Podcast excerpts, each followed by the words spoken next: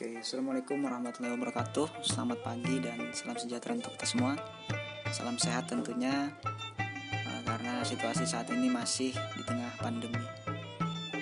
Nah, penting ditekankan bahwa setiap kali pertemuan, hal-hal yang harus kita sama-sama perhatikan adalah protokol kesehatan. Jadi Bapak tidak bosan-bosannya untuk mengingatkan uh, agar siswa-siswi sekalian mengikuti dan mentaati protokol kesehatan yang sudah ditentukan oleh pemerintah. Materi yang akan kita bahas hari ini adalah materi seputar uh, sejarah proklamasi kemerdekaan Negara Kesatuan Republik Indonesia atau negara kita tercinta.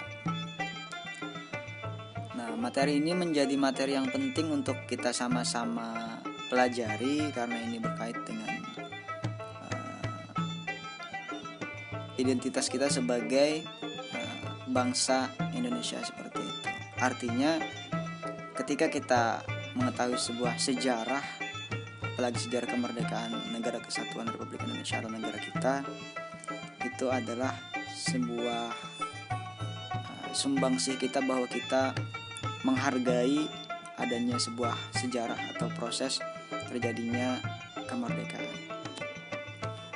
Nah, materi yang akan kita bahas tentunya adalah seputar dengan peristiwa-peristiwa penting yang melatar belakangi peristiwa proklamasi kemerdekaan Republik Indonesia. Uh, ada beberapa peristiwa penting yang bisa kita uh, pelajari hari ini. Yang pertama mungkin terkait dengan proklamasi kemerdekaan sejarah Indonesia adalah terkait dengan kalahnya Jepang dari sekutu.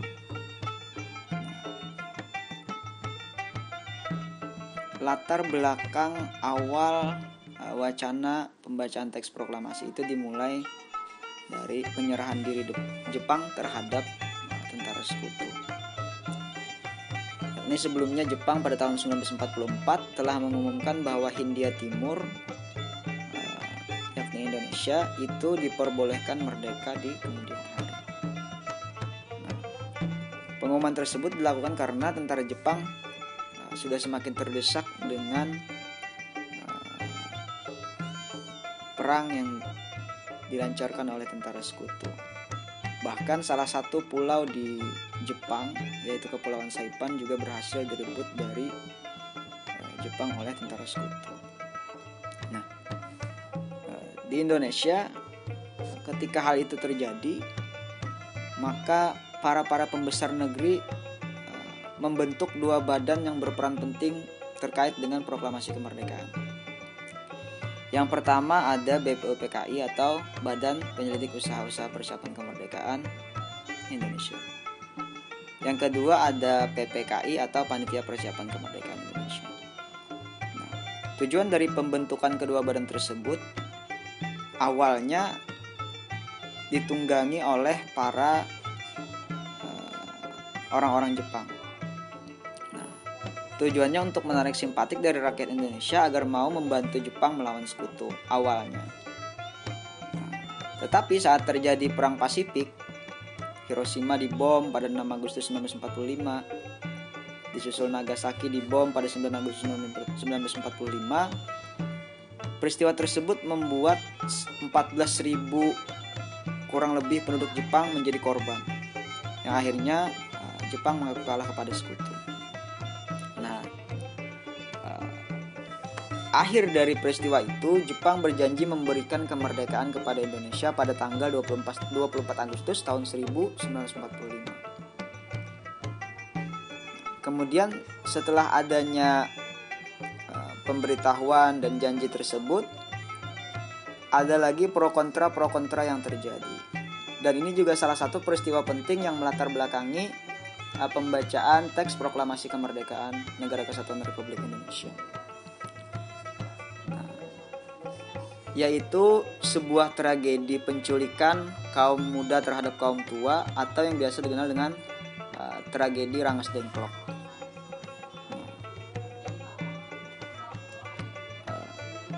Tragedi Rangas Dengklok ini adalah tragedi yang sangat uh, berperan untuk mendesak kaum tua untuk sesegeranya melaksanakan atau memproklamirkan kemerdekaan negara Indonesia.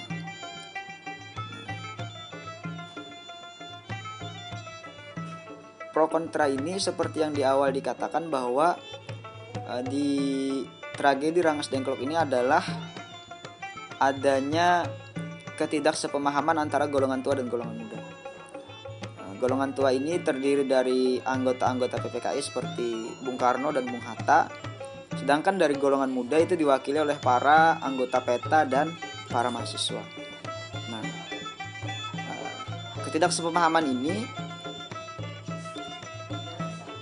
menjadi sebuah alasan kenapa golongan muda mendesak golongan tua untuk sesegeranya memproklamasikan kemerdekaan. Karena golongan muda itu menganggap bahwa golongan tua itu terlalu konservatif dan uh, menghendaki pembacaan proklamasi itu sesuai atau harus melalui PPKI dan sesuai dengan prosedur yang telah dijanjikan oleh Jepang yakni pada tanggal 24 Agustus tahun 1945. Nah, tetapi golongan muda menolak. Nah, golongan muda menolak Eh, proklamasi harus dilaksanakan oleh PPKI. Karena golongan muda ini menganggap bahwa PPKI itu adalah salah satu bentukan dari Jepang. Nah, sedangkan golongan muda eh, dia menginginkan sebuah kemerdekaan itu kemerdekaan Indonesia itu diraih atau diperoleh dari hasil kemerdekaan sendiri, bukan kemerdekaan yang diberikan oleh negara lain, termasuk Jepang. Nah, uh, salah satu tokoh yang berpengaruh adalah Sultan Syahrir yang termasuk dalam golongan muda. Uh, dia berperan mendesak Soekarno dan Hatta untuk segera melakukan proklamasi. Yang akhirnya mendapat respon golongan tua melaksanakan rapat resmi yang dilangsungkan di Pegangsaan Timur, Jakarta pada 15 Agustus 1945, dua hari sebelum proklamasi dibacakan, yang dihadiri oleh Johar Nur, Subianto, Armansyah, Heru Saleh, Kusnandar, Wikana, Margono, dan Subadio. Nah, uh, rapat dari kaum muda ini uh, menunjuk Hairul Saleh sebagai uh, pimpinan. Nah, jadi di rapat itu Hairul Saleh sebagai pemimpin memutuskan bahwa kemerdekaan Indonesia tidak harus menggantungkan kepada pihak lain dan merupakan hak meski keputusan rapat menjadi bagian dari sejarah kemerdekaan Indonesia disampaikan kepada Soekarno, nah, mereka tetap dari golongan tua tetap bersikeras bahwa uh, proklamasi harus dilaksanakan melalui PPKI.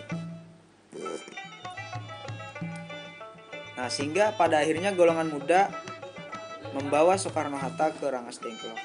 Inilah yang disebut dengan tragedi penculikan atau pengamanan Soekarno-Hatta ke Rangas Dengklok atau tragedi Rangas Dengklok. Nah, salah satu daerah dari Kabupaten Karawang.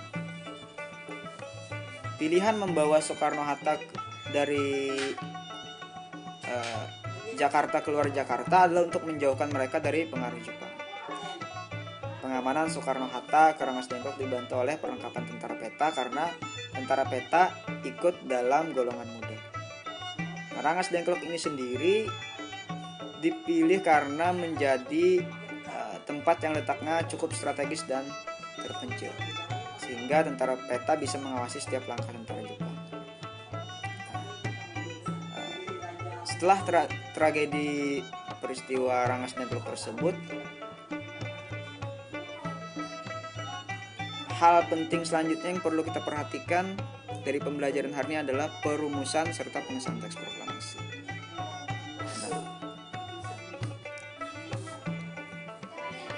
terjadinya peristiwa Rangas Dengklok itu membuat jalan pikiran Soekarno-Hatta menjadi berubah karena didesak oleh kaum muda untuk sesegeranya melakukan proklamasi kemerdekaan.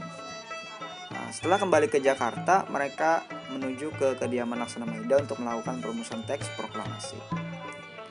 Nah, Roma Laksana Maida ini dipilih menjadi bagian dari sejarah kemerdekaan Indonesia karena Maida merupakan kepala kantor penghubung Angkatan Laut yang aman dari ancaman militer Jepang. Nah, pertemuan di kediaman Laksana Maida ini dihadiri oleh Soekarno, BM Dia, dan Bahdiro dari golongan. Yang pada akhirnya berdasarkan pembicaraan antara Insinyur Soekarno, Insinyur Muhammad Hatta, dan Ahmad Subarjo, uh, didapatkan rumusan teks proklamasi yang langsung ditulis oleh Soekarno. Naskah tulisan Soekarno kemudian uh, mengalami tiga perubahan setelah diketik oleh Sayuti Melik. Nah, setelah naskah dirampungkan, kita sampai kepada peristiwa penting yaitu pembacaan proklamasi kemerdekaan. Setelah dirumuskan dan disahkan, pembacaan proklamasi dilakukan pada tanggal 17 Agustus tahun 1945. Mulanya rakyat dan para tentara Jepang mengira bahwa pembacaan teks proklamasi tersebut akan dilakukan di lapangan Ikada. Lalu, karena ada kabar ini bocor kepada tentara Jepang, maka Pemimpin barisan pelopor yaitu Sudiro yang hadir di lapangan Ikada pada saat itu kemudian menyampaikan situasi yang terjadi di lapangan kepada Muardi yakni kepala keamanan Soekarno. Nah, saat itu ia mengetahui bahwa pembacaan proklamasi ternyata akan diikrarkan di kediaman Soekarno di Jalan Pegangsaan Timur nomor 56 Jakarta. Pada saat itu halaman Soekarno telah dipadati oleh masyarakat, oleh uh, rakyat Indonesia menjelang detik-detik proklamasi. Semua orang sibuk mempersiapkan pembacaan teks bahkan Patmawati, Ibu Patmawati istri Soekarno tengah menjahit bendera dengan tangan eh, yang ukurannya tidak standar. Yaitu eh, yang saat ini menjadi bendera pusaka, eh, bendera merah putih. Nah, setelah persiapan lengkap, teks proklamasi dibacakan oleh Soekarno yang menjadi sejarah kemerdekaan Indonesia. Jadi perjalanan Indonesia itu untuk mendapatkan kemerdekaan memang tidak sebentar. Bahkan penduduk tanah air, penduduk tanah air harus melaksanakan uh, dan merasakan penjajahan yang kejam dalam kurun waktu yang bertahun-tahun.